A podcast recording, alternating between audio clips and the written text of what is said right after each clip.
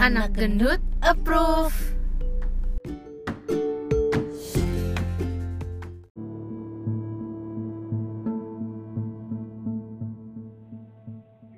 Halo. Nah, barengan. Gimana nih? Assalamualaikum kan lagi Ramadan. Oh iya, waalaikumsalam. Eh, gak usah ngegas dong. Kan lagi Ramadan bulannya baik. Oh iya, iya benar-benar. Ya, tapi gak usah Hmm. ngegas. Biasa aja. Eh, habisan lu ngomongnya halo. Ya. Ya nggak sih nggak apa-apa sih. Nggak apa-apa. nggak gue ngomong halo? Enggak. Oh udah. Assalamualaikum, shalom. Terus apa lagi tuh kalau Hindu? Lupa Eh, banyak banyak. Assalamualaikum. Salam Shalom. kebajikan. Soalnya kan tuh apaan? Nggak tahu, pokoknya gue ngutip dari Bapak Presiden. Oh, Nggak pernah denger kan lo, parah lo. enggak. Gue anaknya bukan politis. Eh, bukan politik. Ya udah, udah. Oke.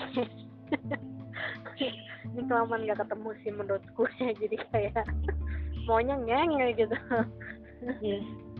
Oke. Jadi hari ini kita ngobrol-ngobrol yang ringan. Ringan nggak sih? Enggak ya? Iya, kalau menurut gue sih ringan karena kita emang orangnya berat aja gitu. Di pikiran orang juga kita tuh berat pikirannya gitu. Tapi Oh, sebenarnya gitu. itu ringan. Oke. Iya. Emang kitanya aja berarti ya pen, penyam apa penerimaan kitanya aja gitu ya. Iya, badannya juga berat jadi semuanya Oh berat. iya bener banget. bener bener. Kayak gitu. Beban hidupnya juga berat gitu ya. Iya. Nah, Hmm. iya iya, benar-benar. Oke, jadi kita hari ini mau ngobrolin beberapa teori konspirasi. Jeng jeng jeng jeng. Ya tuh ada editing musiknya gitu ya, jeng jeng jeng ada nggak ceritanya?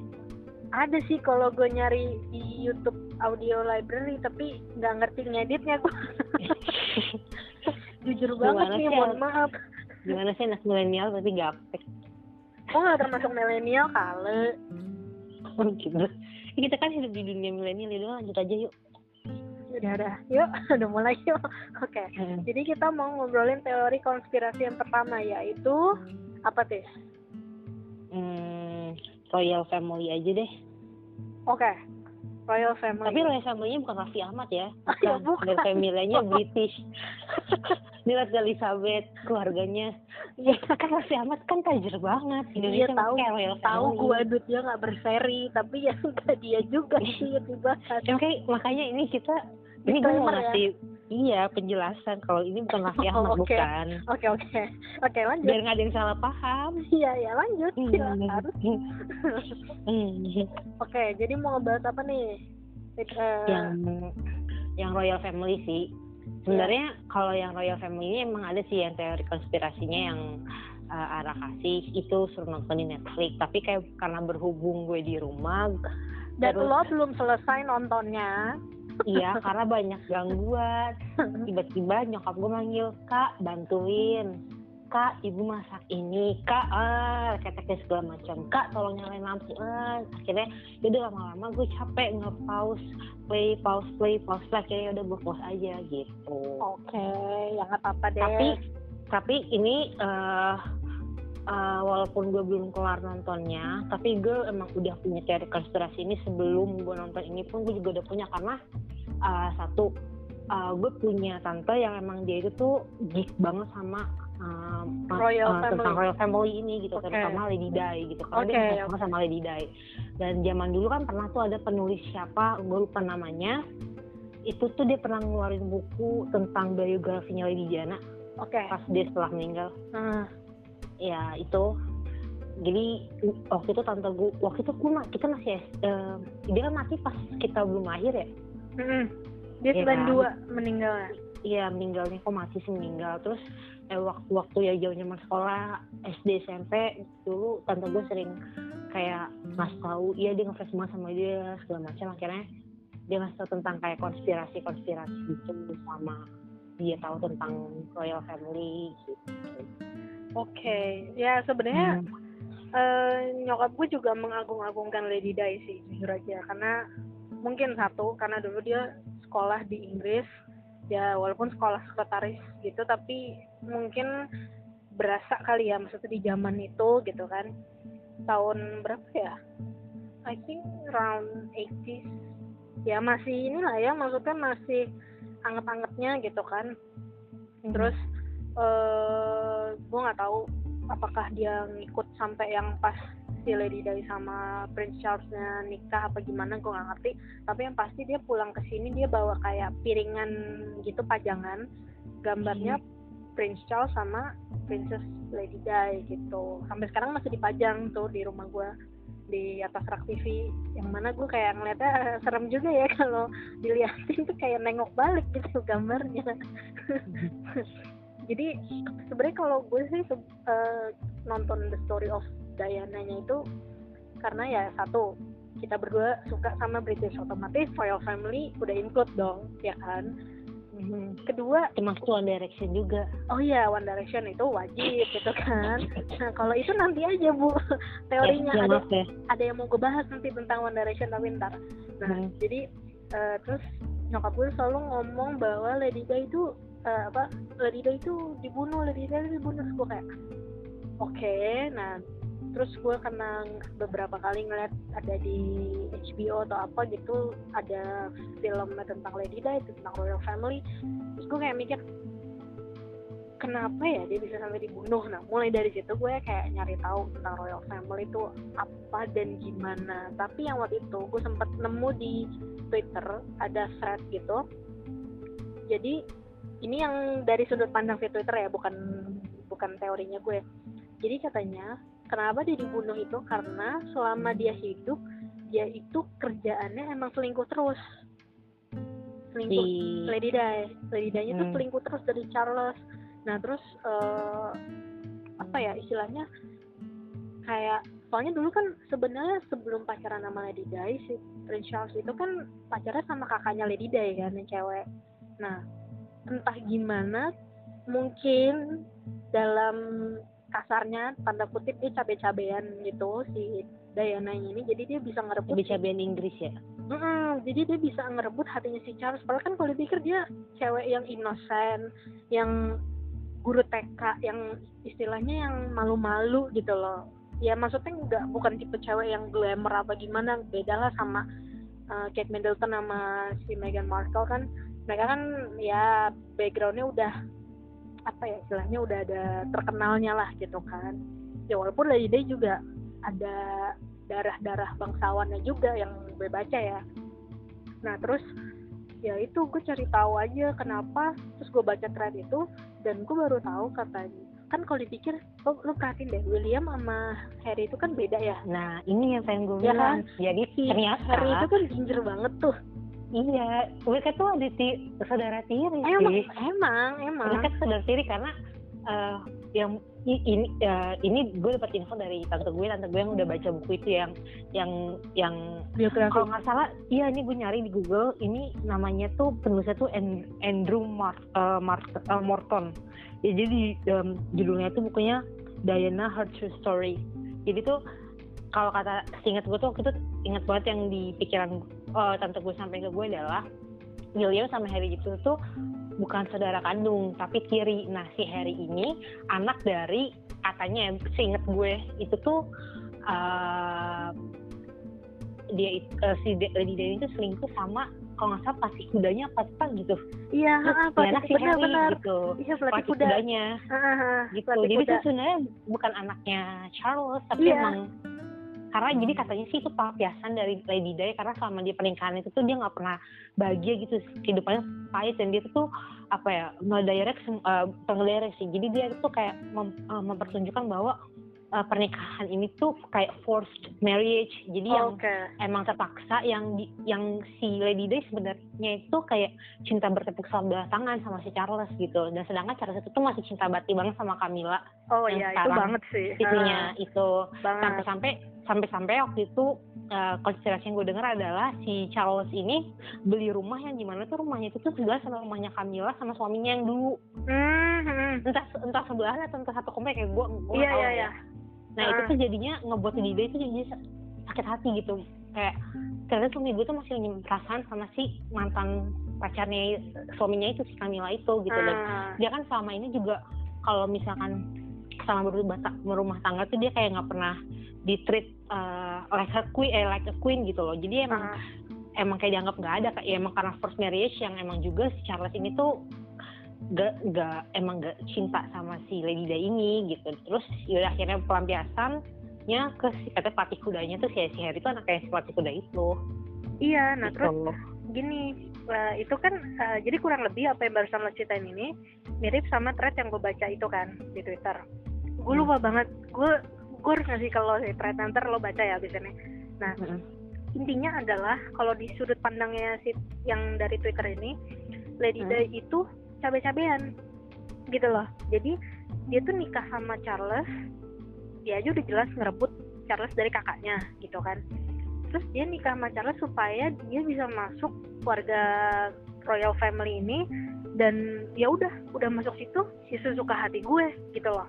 Jadi eh, istilahnya kan dia juga dari cara dia berpakaian apa segala macam dia sama Meghan itu kurang lebih sama kan kayak nggak ngikutin tata keramanya yang harus pakai topi lah harus bajunya yang ketutup lah. Atau modelnya tuh yang apa sih kalau baju kalau kita bilangnya baju Sabrina yang apa punggungnya kelihatan gitu kan tapi bawahnya tuh ketutup gitu loh. Nah sementara Lady Di itu yang gue lihat bajunya memang nggak pernah seperti itu. Kalau si Hmm. Kate Middleton iya dia ngikutin banget sampai topi-topinya apa segala macem. Nah terus setelah dibilang bahwa dia cabe-cabean nah jadi dia tuh memang kayak ngambil apa ya advantage-nya aja. Oh nih gue masuk royal family lahirlah si William dan bener dia selingkuh sama si pelatih kuda itu lahirlah si Harry gitu kan. Tapi itu dari sudut pandang yang Twitter ya tadi gue bilang. Nah kalau dari sudut pandang dokumenter The Story of Diana yang di Netflix yang gue tonton yang lo belum kelar tonton itu eh, dibilangnya adalah iya bener. Charles terpaksa nikahin si Lady Di. Karena apa? Satu semua pacar mantan mantannya Charles itu udah pernah dia tidurin. Dan royal family menjunjung keperawanan virginity itu nomor satu. Kalau mau nikah sama orang dia harus sama orang yang virgin. Yang mana Lady Di adalah virgin gitu. Jadi dia tuh pertama kali ketemu Lady Di gara-gara kan tadinya masih pacaran sama kakaknya Lady Di nih. Nah datanglah Charles ke rumahnya Lady Di kan. Eh, keluarga, eh, rumah keluarganya. Nah baru di situ dia ketemu Lady Di nah tapi nggak diceritain gimana bisa akhirnya dia putus sama kakaknya terus langsung jadi sama Lady Di apakah karena mikirnya harus sama yang masih virgin apa gimana? Gue nggak tahu. Nah intinya itu. Dan kedua pas William lahir kan ya biasalah keluar dari rumah sakit paparazi banyak dong ya kan fotografer apa segala macam. Nah tapi katanya pas Harry lahir eh, Lady Di sama Charles keluar dari rumah sakit difoto kan tuh sama fotografer banyak banget. Terus pulanglah ke istana. Nah pas di istana katanya nggak sampai satu jam tiba-tiba Charles keluar lagi naik mobil sama ya nggak tahu ya bodyguardnya gimana buat main golf nah terus orang bertanya-tanya ini anak baru lahir kok bapaknya udah keluar aja? Gitu loh. Maksudnya kayak baru lahiran kok nggak ditemenin gitu ya. Terus si Charles tuh bilang si Harry ini kok kayak Spencer banget ya. Kayak keluarga Spencer yang maksudnya ada pirang-pirang gitu kan pas lahir. Ya Lady Day nggak diceritain sih. Dia nyangkal apa enggak tapi yang pasti di situ Charles sudah bilang ini kayaknya bukan anak gue deh gitu beda sama versi Twitter yang memang ngejelasin secara gamblang bahwa itu hasil selingkuhannya sama si pelatih kuda kan. Tapi kalau Hmm. di dokumenter ini cuman dibilang Charles nggak mau ngakuin Harry itu anaknya. Intinya itu. Nah terus eh apa namanya dia tuh sebenarnya selama nikah jadi gini kan selama dia nikah gara-gara si Charles itu kan istilahnya kayak generasi pertamanya dari alurnya si Elizabeth II kan. Pertama kali yang royal wedding tuh dia gitu loh ya kan? Karena kan dia termasuk yang dapat change penerus tahtanya yang tertinggi gitu kan dibanding adik-adiknya apa siapanya gitu. Ya udah alurnya hidupnya si Charles lah gitu kan. Nah terus karena royal wedding itu jadi tuh Lady Di itu orang pertama dari luar istana yang pertama kali masuk istana. So that's why banyak orang yang ngefans sama dia. Jadi dia tuh under the spotlight banget gitu kan dia ke mana-mana di foto apa terus keluar dari rumah waktu sebelum nikah pas dia masih engagement baru keluar pintu udah ditungguin paparazzi kayak ke mana geraknya dia tuh diikutin. Karena orang tuh saking keponya nih cewek tuh cewek baik-baik kok bisa sih dapetin Charles? Karena orang taunya Charles itu selama ini ya womanizer gitu loh jadi orang tuh bingung kenapa oh ternyata dia baik banget. Orang tuh baru tahu kalau dia tuh guru TK dan dia tuh orang pemalu apa segala macam. Nah itu Charles karena dia adalah orang pertama jadi yang tadi gue bilang si Diana-nya di bawah spotlight jadi tiap jalan sama Charles kayak urusan kenegaraan gitu. Nah terus si Charles tuh kesel karena yang selalu disorot adalah Lady Di bukan Charles sementara kan istilahnya nih royal family namanya Charles dong yang dibawa. Tapi kenapa tiap dia keluar sama Lady Di Lady Di terus yang diincar sama orang? Gitu loh. Jadi dia kesel. Kesel sama Lady Di akhirnya dari situ pernikahan udah mulai nggak bagus. Lady Di selingkuh sama yang lain apa terus Charles balik lagi sama Camilla ya. Camilla tuh termasuk orang yang ya udah cinta sejatinya si Charles lah gitu kan. Karena katanya udah kenal lama terus cuman dia yang bisa ngertiin Charles bahwa jadi temen cerita tuh juga katanya enak banget ngertiin banget istilahnya ngemong banget lah gitu keibuan. Itu yang gue tahu ya. Nah terus gue sih intinya mikirnya bahwa ya Lady Di itu ya pas jadi Prancis itu kan dia sama Dodi Alfayet tuh yang Hmm. anaknya pemilik Harrods kan. Nah Hmm. ya itu sih katanya dibunuh. Kalau menurut lo gimana sama sih. Ini juga banyak banget konspirasinya sebenarnya. Eh, sampai sampai hmm, katanya ada konspirasi eh, entah wartawannya. Pra- kan itu tinggal di Prancis ya jadi waktu itu Uh-uh. saksi mata peraw- eh, perawan. Saksi mata apa namanya wartawan Prancis wartawan sempat itu katanya dia udah memberikan sang eh, sanksi sak, eh, apa ya memberikan saksi lah kalau misalkan ya itu tuh tabrakannya eh, kesakannya itu tuh nggak wajar gitu. Ini kayaknya ada insiden ada yang pembunuhan kan gitu dan Hmm. kalau nggak salah setelah dia hmm, ngomong kayak gitu di media atau di publik ya gue lupa apa itu disebarkan atau gimana gue lupa. Entah selang berapa hari atau berapa minggu kemudian dia dibunuh deh. Kalau nggak salah mati deh atau gimana gitu. Terus ada juga katanya saksi entah supirnya apa siapa ya gue lupa gue gue lupa banget waktu itu ceritanya karena tante gue sih ini yang nyeritain. Jadi katanya salah satu entah wartawannya entah em, supirnya atau siapanya pokoknya yang memberikan keterangan itu saksi itu kok nggak salah meninggal sih atau sama ada yang mulutnya dijahit gitu. Jadi dia nggak bisa ngomong jadi ya udah mati gitu loh.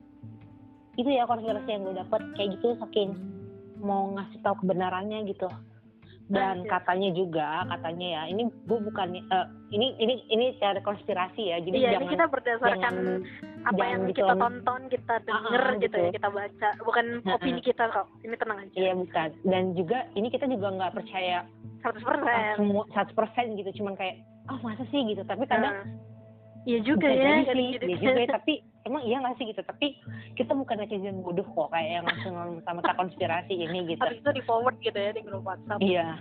Nggak nggak kayak nyokap bokap gue yang kayak gitu sih. sama nyokap gue gitu. juga oke Asli lanjut sampah banget. Terus em, katanya sih karena kan ini gue bukannya ngomongin masalah rasis agama ya, tapi konspirasi ini tuh mengarahkan ke arah situ gitu. Jadi si Lady Di ini kan eh, berhubungan sama atau Dodi? berpacaran sama Dodi Alfayet yang Islam. dia itu Muslim. ya. Dia Muslim, dia keturunan Arab yang di mana itu salah satu penghinaan terbesar bagi royal royal family. Family ya. Which is eh which means royal family ini dia ini tuh eh, mereka itu menganut agama Katolik ya Katolik yang taat Ah, Eh, gue kayak macam yang ortodoks gitu nggak sih? Ya ya gue ya kayak mungkin kayak, kayak gitu ya. Sorry kalau untuk umat agama yang gue sebutkan. Ah, kalau misalkan gue salah tahu menyebutkan ah, maaf kita juga nggak tahu karena ini konspirasi. Ah, katanya mereka menganut memang agama eh, entah Katolik ataupun yang Ortodok yang gue bilang yang eh, benar-benar taat banget gitu dalam Uh-uh. beribadah dan gue nggak bilang kalau misalkan si royal family ini tuh anti muslim gitu. Tapi dari konspirasi yang gue dapatkan ini mereka memang sepertinya itu tuh um, terkesan uh, diarahkan kalau mereka itu anti sama uh, agama yang yakni sama si Dodi Alfayet ini. Ah, karena istilahnya gini Di ini kan pernah jadi eh, bagian dari royal family. dan dia masih dapat title-nya itu nggak sih kayak mau dia Iya. crash sama Charles pun dia tetap akan dapat title princess gitu Iya gitu dan di mana tuh si royal family ini kan taat banget nih ibaratnya setiap kali ada eh, acara keagamaan besar eh, acara, acara keagamaan yang besar gitu itu kan selalu pasti diliput sama media eh, terus jadi bahan tontonan semua orang gitu dan Hmm. pernikahannya kan juga di eh, gereja nonton gitu kan. ya dan Hmm. seluruh dunia tahu lah istilahnya ah, kayak gitu. Dan saat si Lady Di ini eh, pacaran sama Dodi Alfayet gitu dan katanya di sini tuh Lady Di akan eh, transfer eh, bukan transfer sih convert transfer lagi duit kali convert ke mus- ke muslim ya ya ke Islam dia pengen convert jadi seorang muslim gitu dan di situ juga katanya dari konspirasi yang gue dengar di situ sebenarnya Lady Di itu tengah mengandung anaknya si Dodi Alfayet katanya. Oh wow. Oh iya ha, bener. Dia lagi hamil pas di Prancis itu. Nah, Ah, ya katanya masih hamil muda. Ya gue nggak tahu ya berapa oh, mungkin sekitar hitungan weeks lah. Ya dan terus karena itu sebuah kayaknya kesannya tamparan bagi seorang eh, bagi eh, ke- keluarga kerajaan di mana Lady Di kan dulu anak gue gitu. Keluarga Iya. gue terus tiba-tiba sama orang lain dengan agama yang berbeda terus hamil pula terus eh, dia itu pacaran dengan salah satu konglomerat di Inggris. Iya Siapa gila tuh dia konglomerat banget. Nah. Iya kan. Apalagi Harris itu yang punya adalah bukan orang Inggris gitu loh. Iya. Tapi istilah itu imigran yang datang iya ke Inggris imigran. terus dan itu sukses sukses banget gila. Sukses banget. Siapa sih yang nggak tahu Harris gitu? Ah, dan terus di sini kan juga mungkin em, apa ya istilah mereka kan sangat menjunjung tinggi peradaban Inggris kan maksudnya sebagai Mm-mm. orang Inggris itu tuh mereka itu kalau kita bilang tuh Jawa banget lah gitu loh. Ya, Jawa banget yang istilahnya pure blood lah ya gitu. iya pure blood banget gitu. Jadi kalau misalkan ada imigran yang yang maksudnya eh, orang yang berkebangsaan di luar Inggris terus datang ke Inggris terus mungkin dia sukses sukses itu tuh ya di fair juga sih keluarga itu kayak ah, anjir gitu dia cuma imigran doang tapi sukses itu tuh bisa dapetin Lady Di itu seorang muslim pula pokoknya kasarnya itu gitu. Jadi kayak Iya. itu sebagai sebuah tamparan lah bagi keluarga Inggris gitu. Kayak ini akan mencorengkan nama baik mereka dan mereka juga gimana ya akhirnya tuh eh, marah gitu. Kayak nggak suka sama ini Isa kayak mencoreng nama kerajaan Inggris lah yang selama ini tuh benar-benar dijaga banget eh, tata krama eh, tat- eh, maksudnya kayak tata keramanya apa segala macam tetap banget masalah kerajaan dari zaman dulu sampai baju-baju juga diatur. Ya kayak gitu gitu. Sampai kalau lo makan aja harus ada berapa Ah, senti milimeternya segala macem gitu kan. Dan jadi ya mungkin keluarga kerajaan marah murka sama Lady Di dan terus ada uh, skala skala ada kabar kalau si Lady Di lagi hamil dan hamilnya itu juga di luar nikah pernikahan kan? Iya. nikah gitu ya di mana tuh? Ah, saat itu tuh keluarga Inggris tuh apa ya? Menjunjung tinggi tuh kalau pernikahan itu tuh eh kalau kehamilan itu tuh harus dilak eh, apa ya? Hubungan seksual lah. Hubungan seksual ya makanya dilakukan tadi gue bilang. pasca menikah gitu. Iya makanya gue bilang Charles tuh kenapa dipaksa nikah sama dia? Karena mantan mantannya udah tidurin semua cuy. Eh, kayak gitu. Iya. That's jadi ya mungkin karena alasan-alasan itu akhirnya orang kerajaan murka udahlah habisin aja gitu. Daripada nyoret sama keluarga kerajaan itu takutnya kayak ih kalau kerajaan berarti dia pernah nampung seorang istilahnya cabe-cabean. Dia pernah Iya. nampung seorang yang udah mengkhianati negara. Istilahnya kan kayak lu nikah sama imigran tapi lu kayak akhirnya tuh kayak mengkhianati negara gitu. Karena kan lu jadinya mix kan. Mm-mm. Jadi lo nggak nggak membuat keturunan yang emang pure blood seorang Inggris tapi jadinya mix gitu. Ya ibaratkan si keluarga kerajaan ini filterin lah gitu Iya loh. benar. si Voldemort gitu. Ah, kalau yang nonton Harry Potter emang tahu lah maksudnya kayak gimana. Gitu. Iya. Nah terus kalau dari yang gue tonton ya dari yang Story of Diana yang di Netflix itu bahwa eh, dibilang di situ kalau eh, Lady Di itu sama si Dodi kan naik mobil Mercedes si Lady Di di Prancis itu kan. Terus katanya tabrakannya itu di tunnelnya itu eh, jadi pas mereka keluar dari hotel mau balik ke apartemennya Dodi disupirin sama si supir Lady Di. Nah, Mm-mm. katanya bisa ketabrak itu gara-gara supirnya mabok. Nah, supir mabok satu.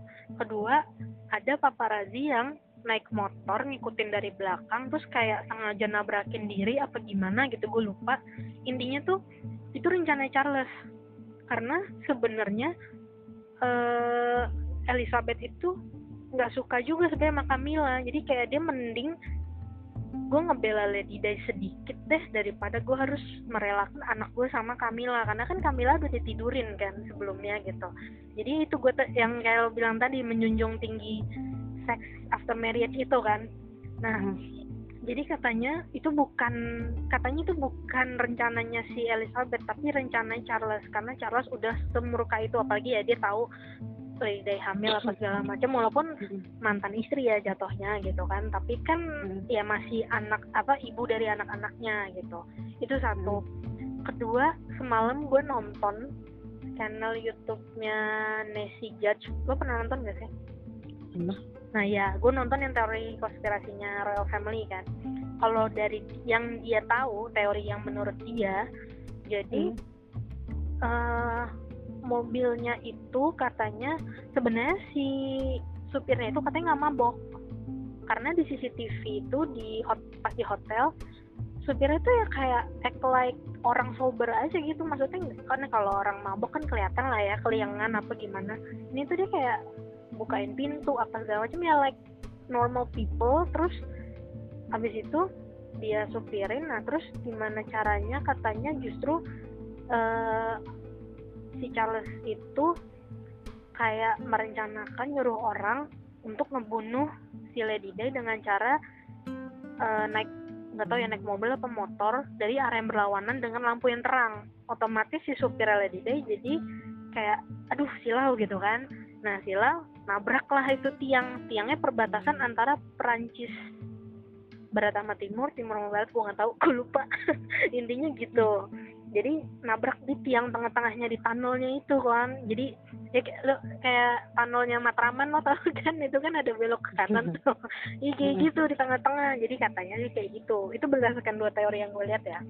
Nah terus yang di Netflixnya itu dibilang ya udah udah meninggal gitu terus kayak nggak mau diinvestigasi juga. Jadi ya sama aja maksudnya royal family nggak mau istilahnya dibilang mereka terlibat iya tapi nggak mau ngaku juga tapi rakyat kayak ya udahlah tahu aja gitu kan kayak cukup tahu.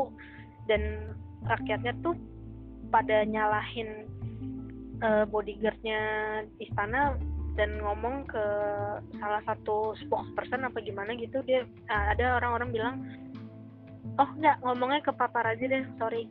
Ngomong ke paparazi kayak this is your fault this is your fault. Jadi karena kan kalau berdasarkan yang di Netflix itu kan karena dikejar paparazi jadi nabrak kan gitu. Nah tapi nggak tahu kalau yang versi Nancy Judge itu dibilangnya katanya karena cahaya dari depan jadi dia silau ya nabrak gitu.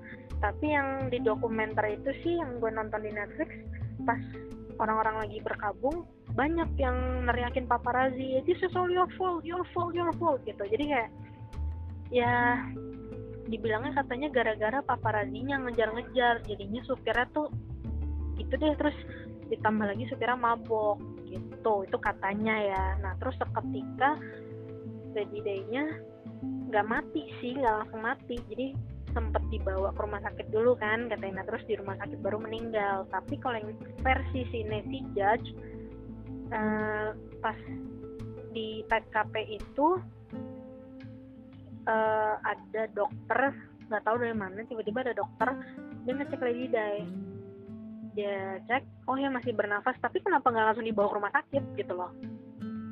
Dibiarin aja di situ terus kayak selang dua jam baru dibawa ke rumah sakit. Ya kalau dipikir kan dua jam tuh waktu yang lama kan. Lama banget. Makanya nah terus baru dibawa ke rumah sakit ya habis itu udah meninggal. Karena kan dia patah tulang apa segala macem kan. Katanya parah banget dodinya juga die gitu loh. Jadi kayak gue kalau jadi bapaknya Dodi marah banget sih gila.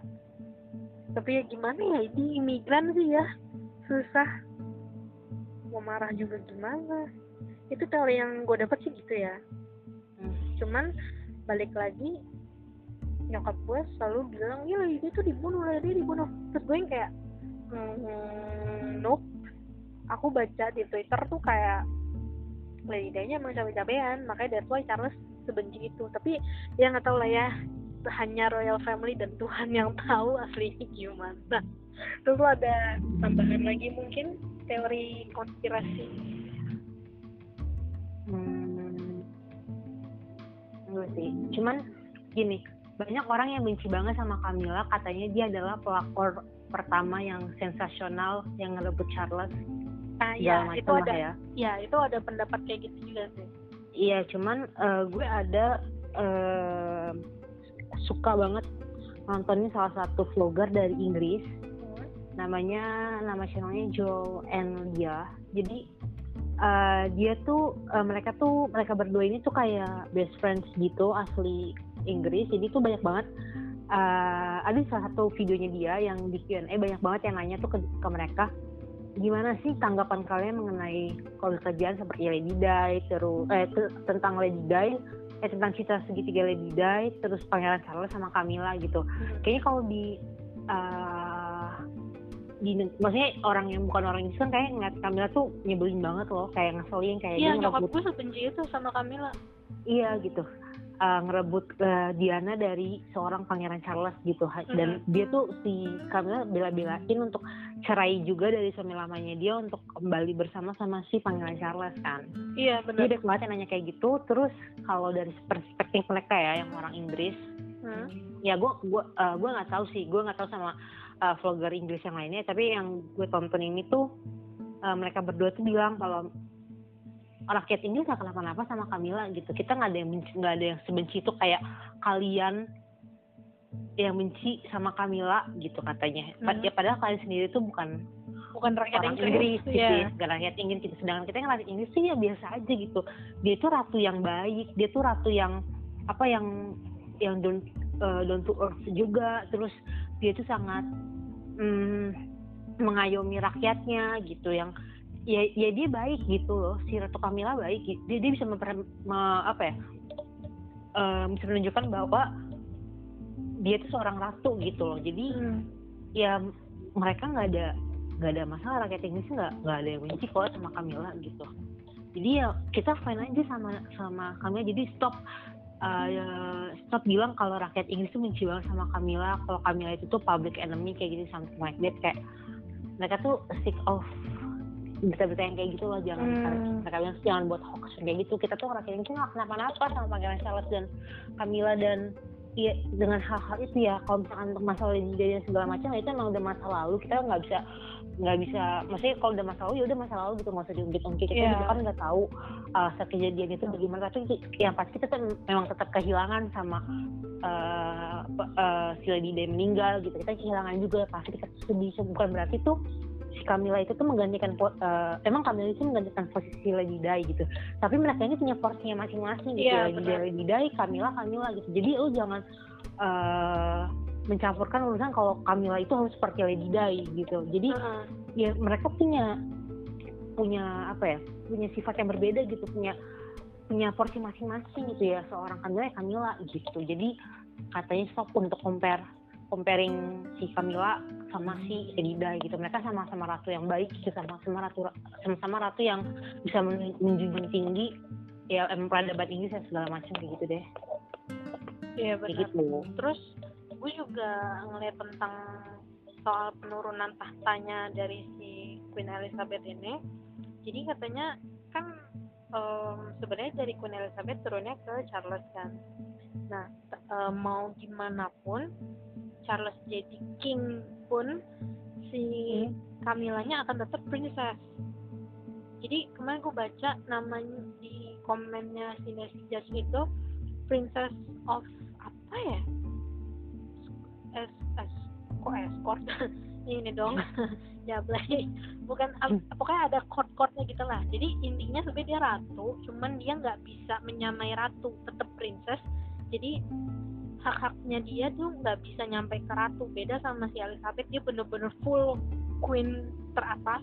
Jadi dia bisa kayak sekarang bisa memimpin negara sementara suaminya aja suaminya aja eh title-nya masih prince kan bukan king gitu. Karena memang sebenarnya nggak bisa katanya kalau kecuali kalau tahtanya tuh dari si Philipnya dia udah king nikah sama si Elizabeth baru Elizabeth jadi queen gitu beda gitu.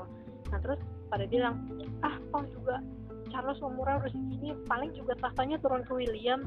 Ya iya juga sih gue mikirnya kayak ya berapa lama lagi sih umur Charles? Kan udah 70 kan gitu. Jadi kayak mau nunggu si ya kalaupun si Queen Elizabeth meninggal karena kan umurnya udah 94 kemarin gue search sementara si Prince Philip 99 gila bayangin umurnya udah satu tahun kan gitu ya hmm. let's say dia meninggal turun tahtanya ke Charles tapi ya Charles juga nggak bakal berapa lama sih gitu toh orang tuh katanya ya orang sih banyak yang bilang malah jatuhnya katanya rakyat Inggris tuh sebenarnya justru sama Charlesnya bukan sama Camilla karena ya hmm. itu Di dibunuh atas perintahnya dia itu konspirasinya mereka ya gitu nah hmm. jadi ya orang kayak istilahnya sudi nggak sudi juga sih kalau dia jadi raja gitu ini nah terus ya udah orang kayak udahlah William aja kayak udah paling bener udah orangnya juga lurus-lurus aja nggak yang gimana-gimana. Sementara si Harry kenapa belakangan ini bilang mau keluar dari kerajaan karena ya satu mungkin ya berdasarkan teori konspirasi ini kan dia juga bukan anak kandungnya Charles gitu kan. Terus kedua juga dia termasuk yang ya itu nggak menuruti tata keramanya kerajaan benar-benar yang bebas banget kan. Buktinya dia bisa nikah sama seorang Meghan Markle yang istilahnya sorry to say black gitu kan. Dan itu kan sebenarnya udah mencoreng nama baiknya royal family sebenarnya nggak boleh gitu kan. Jadi istilahnya ya udah Harry juga nggak bakal nerima tahta tuh. Dari William turunnya ke Prince George juga kan. Jadi dari Prince hmm. George turun lagi ke Prince ya? nama anak yang ketiga tuh gue nggak tahu lagi. Ya Alpha ya pokoknya turunnya ya udah dari Sir Charles William ya udah. Terus Prince George turun lagi Prince siapa? Ya itu tadi gue lupa. Turun lagi turun lagi turun lagi. Jadi kayak ya Harry nggak bakal dapet gitu loh. Mau ngapain juga? Nah itu jadi yang membuat dia Louis. Eh Louis. ya Prince Louis. Ya jadi kayak ya udah Prince Louis. Kalau kalau Prince George punya anak cowok Prince Louis nggak dapet dong. Ya hmm. kan? Jadi berat kayak, emang anak kedua ketiga tuh berat banget kayak emang iya jadi pertama. memang selalu generasi pertama kan. Jadi kayak percuma Harry itu udah udahlah udah out of the list aja gitu. Kayak udah dia mending gue cabut aja si Meghan. Toh juga keluarga gue nggak nggak terlalu ya nggak gimana. Maksudnya Queen tuh sebenarnya nggak suka dengan pernikahan Harry sama Meghan cuman ya ya udah tau dia pikir ya gimana gitu kan. Dan yang penting sih adalah William sama Harry itu stick sama sifat kebaikannya dari Lady Di. Mereka dermawan banget kan orangnya. Ya ya nggak dibilang filantropis juga sih cuma maksudnya bisa lah kayak gitu. Sifat Lady Di itu nurun banget nggak kayak bapaknya banget gitu loh yang mohon maaf kan gonta ganti pasangan gitu jadi orang kayak adalah diam aja gitu itu gue saring dari semua teori konspirasi yang ada gitu hmm. mungkin lo mau menambahkan lagi soal hmm. Harry dan Meghan kalau Harry dan Meghan sebenarnya gue gak ngikutin banget sih kisah mereka karena uh, hmm, gimana ya mulai dari mereka mau awal nikah aja tuh mereka udah dicaci maki aja gitu banyak yang pasti banyak yang kontra banget sama pernikahan yeah, mereka. Ya itu karena gue bilang dia soalnya nikahin sama sorry black people gitu kan. Dan dia kan kalangan selebritis, bukan orang baik-baik yang misalnya kayak beda kan sama Kate Middleton kan keluarganya udah ternama banget tuh gitu kan. Kalau hmm. Meghan Markle kan katanya Meghan janda Meghan kan. rela iya udah janda kayak gitu. Jadi gue udah kayak ya berarti si Harry memang benar-benar break the rules banget sih karena emang ya udah cinta ya gimana ya iya. udah gitu nah terus kayak Jadi, pernikahan udah. William sama Kate sama dibanding pernikahan Harry sama Meghan kan jumlah audiensnya beda sih menurut gue maksudnya dulu pas William tuh orang bener-bener ya itu generasi pertama tuh dijunjung tinggi banget gitu loh sampai jalanan yang depan istana kan depan Buckingham penuh semua kan sama orang-orang. Waktu Meghan sama Harry ya gue liat gak sepadet itu sih. Cuman orang ya tetap cheering up kayak weh ini pangeran. Tapi ya ya udah gitu. Karena ya itu Megannya juga janda terus dia jadi kalangan artis kan selebriti. Terus sempet nggak mau tutup akun Instagram juga kan. Maksudnya kan dipaksa tuh katanya disuruh sama pihak kerajaan bahwa anggota kerajaan tuh tidak boleh ada satupun yang punya akun sosial media. Dan kalaupun ada di Twitter yang Kensington Palace atau apalah Windsor bla bla bla bla ya itu memang adminnya sendiri gitu. Jadi bener-bener kayak staff kerajaannya gitu yang tweet apa Instagram segala macam. Dan itu pun juga isinya juga apa ya kegiatan kunjungan ke negaraan aja gitu kayak ya udah. Dan terus katanya kemarin-kemarin sejak si Harry sama Meghan udah memutuskan keluar dari kerajaan si Meghan mulai aktif main Instagram lagi sih katanya tapi gue nggak ngecek. Kayak gue nggak ya gue juga nggak terlalu ngikutin mereka sih cuman yang info gue tahu sih itu sejauh ini. Hmm. ya intinya yang penting mereka anak-anak anak baik-baik sih untungnya kayak ibunya banget gitu dan mereka kayak pas ibunya meninggal ya apa ya ikut nganterin jenazahnya gitu diarak-arak gitu kan sama bapaknya sama omnya yang dari yang adiknya Lady Day apa kakak Lady Lady Day itu cowok. Terus kakaknya tuh bilang ya sedih aja katanya dulu nganterin anak-anak buat apa ibunya ngeliat ibunya untuk terakhir kali gitu well gue kayak kalau ngeliat-ngeliat ini kayak pur gitu. Soalnya ya macem-macem kan ceritanya gitu kan kayak konspirasinya beda-beda gitu. Tapi ya ya menurut gue emang intinya mereka ya pure blood aja gitu maunya. Gitu sih segitunya kerajaan dan istilahnya dulu kan Lady Di mendambakan pernikahan yang fairy tale banget kan istilahnya jadi princess apa. Tapi dan lihat dia sampai kena bulimia juga kan dia pas nikah sama Charles terus ya pokoknya stres gitu deh stres parah. Ya udah akhirnya pelariannya ya selingkuh sana sini juga. Nah itu makanya balik lagi ke thread Twitter yang gue bilang di situlah Lady Di dicap cabe-cabean. Tapi ya nggak tahu apakah emang dasarnya sifatnya cabe-cabean apa emang karena dia digitu nama Charles atau Charlesnya juga segitunya gara-gara Lady Di-nya cabe-cabean kayak udahlah kayak bingung banget gitu loh. Terlalu banyak teori yang beredar. Tapi bagus lah kalau rakyat Inggris ternyata. Maksudnya kayak lo bilang tadi eh, ya nggak usah benci segitunya sama Camilla gitu kan. Nggak yang gimana gimana banget kok gitu. Ya memang sih dia nggak nggak kena spotlight ya. Maksudnya ketika ya sih gue bilang ketika Lady Di sama Charles kunjungan kenegaraan yang jadi spotlightnya si Lady Di. Tapi sejak Charles sama Camilla berdua kunjungan kenegaraan Charles yang dapat spotlight gitu. Beda sih kelihatan banget gitu. Kayak orang tuh kayak nggak ngegubris si Camillanya lagi maksudnya kayak apa ya mau di praise dari dia gitu. Si wartawan-wartawan itu kan sama paparazzi atau segala macem gitu Baptista Oke. oke Terus siapa ya ngomongin royal family-nya 45 menit loh Wow. Sumpah. iya Padahal tadi gue pengen pengen masukin juga loh nambahin konspirasi Nazi itu seru banget sih. Itu seru banget. Nazi Nah, ya itu Kelar. bisa sih boleh kalau Tapi- mau bahas sekarang gila lo orang nggak pada ngantuk. Kayaknya kalau dengerin ini aja udah ngomongin satu konspirasi ini aja udah ngantuk. Orang nggak sih? udah lanjut aja Sejam lebih dong.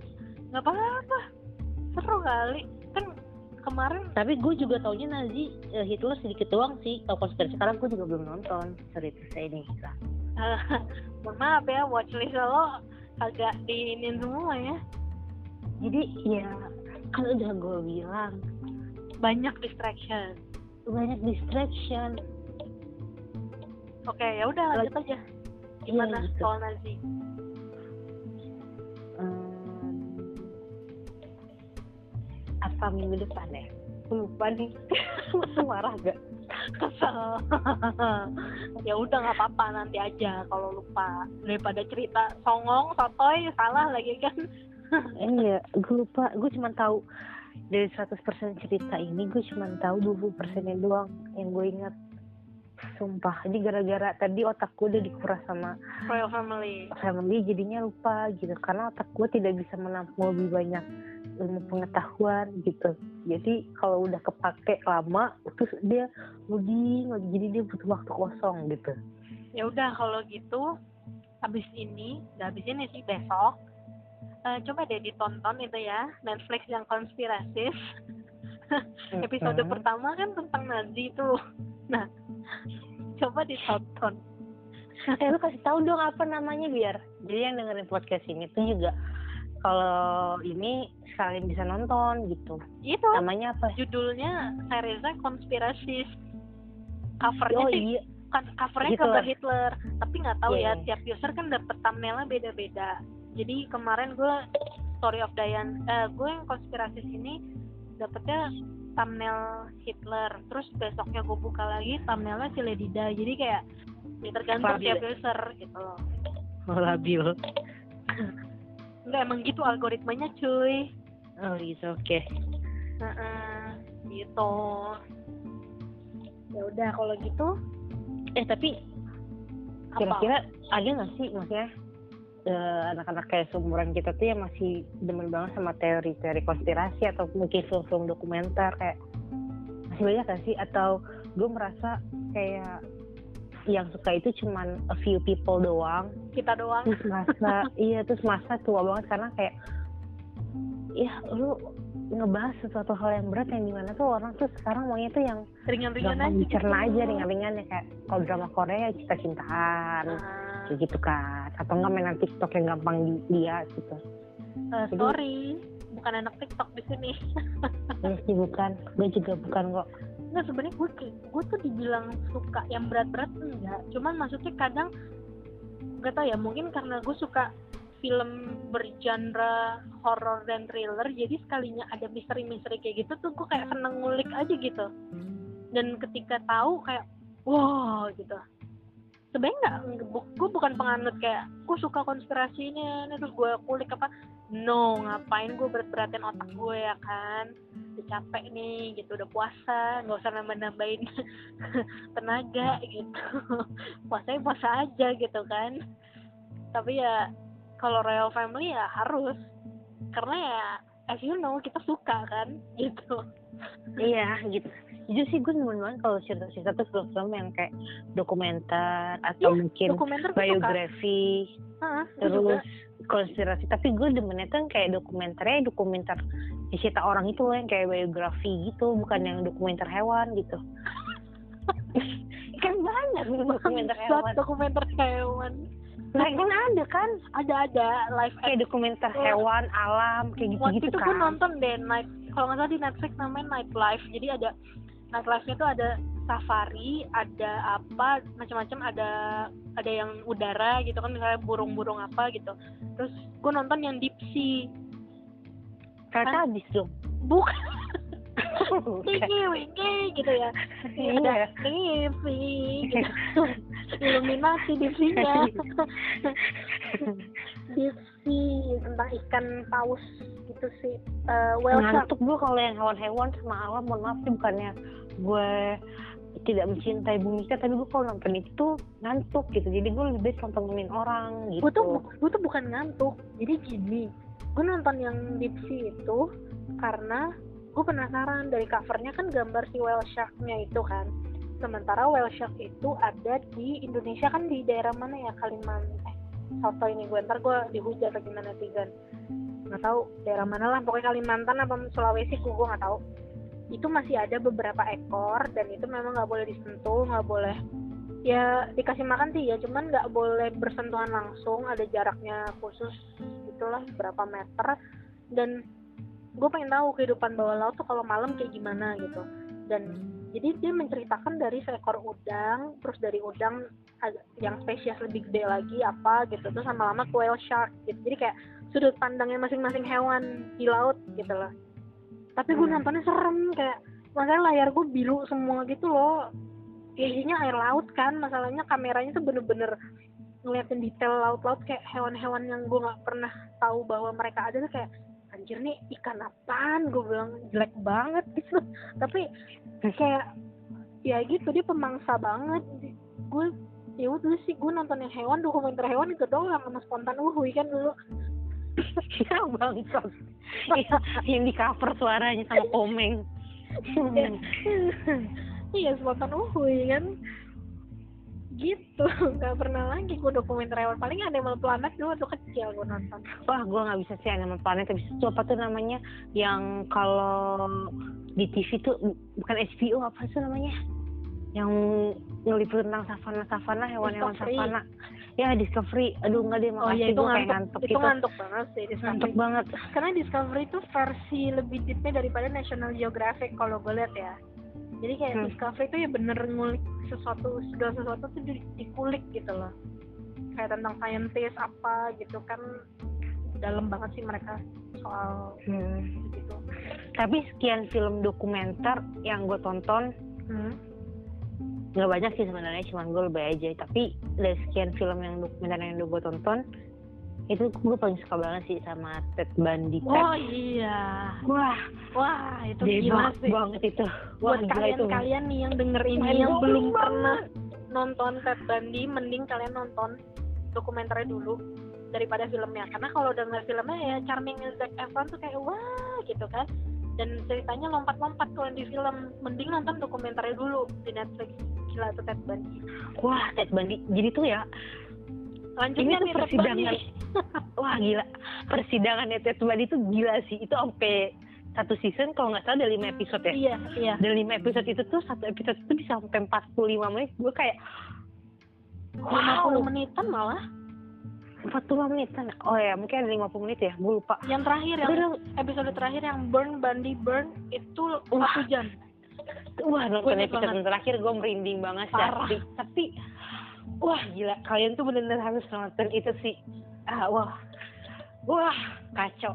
Tapi blowing banget itu ya Ted kalau dibahas sekarang nggak basi sih karena belum banyak orang yang tahu gitu Tapi ini nggak kelamaan durasinya. ya Oh, mungkin sampai kita dua cut jam. dulu kali ya buat Oke. minggu depan gitu Oke. boleh minggu depan kita bahas Ted Bundy kalau gitu Ya. Apa mau sekarang kita recordnya? eh ketahuan dong wah suka Ini kan bisa di- rahasia ini kan bisa diedit. Ini kan sudah edit kan? Sudah dihapus, di cut. bisa tapi lompat banget cuy Ya udah ya udah nggak apa-apa guys kita tetap record hari ini kok ya udah intinya episode yang hari ini tentang Royal Family minggu depan kita akan post tentang Ted Bundy Hmm, ceritanya dia Psycho. Ya psycho yang ganteng charming. Oh ganteng banget sih parah. Gue gue itu naksir anjir. Nonton iya ini, gue juga naksir. gue naksir sama Ted Bundy gue sampai gue nonton gini gue nggak psikopat kan nih? Gitu kan. Gue nggak aneh kan muka dia tuh nggak muka tahun segitu gitu loh. Muka dia tuh cakepnya orang sekarang. Iya makanya gue kayak tipe-tipe bapak-bapak milenial yang baru "Ah, ah, apa ya, baru anak." nikah Ah, baru punya anak satu gitu Ah, kayak terus oh, gue. gitu.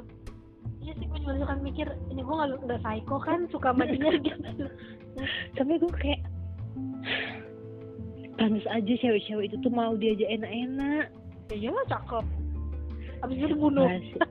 Iya Ya udah. sadis Kita cut dulu deh sampai sini. ya Kalau gitu step bandingnya untuk selanjutnya ya. oke Oke, sampai bertemu teman-teman. Jangan lupa ditonton tentang Royal Family, tentang Nazi. Mhm. Judulnya judul seriesnya konspirasis itu ada beberapa macam episode dan Mhm. ya siap-siap aja nonton Ted Bundy jadi ya siapa tahu ya kan pas Mhm. dengerin episode selanjutnya kita bahas Ted Bundy kalian udah ngerti setidaknya begitu. Mhm. Oke deh sampai sini dulu mohon maaf nih rahang gue pegel Mhm. ya gitulah intinya udahan dulu ya capek iya oke deh dadah. Dadah. Ya dadah doang. Kayak nggak ada apanya gitu gimmick. Iya udah. Apa Males sih ya? yang gimmick-gimmick males ya males ya yang gimmick-gimmick Iya, ntar kayak Vicky Prasetyo lagi banyakan gimmick.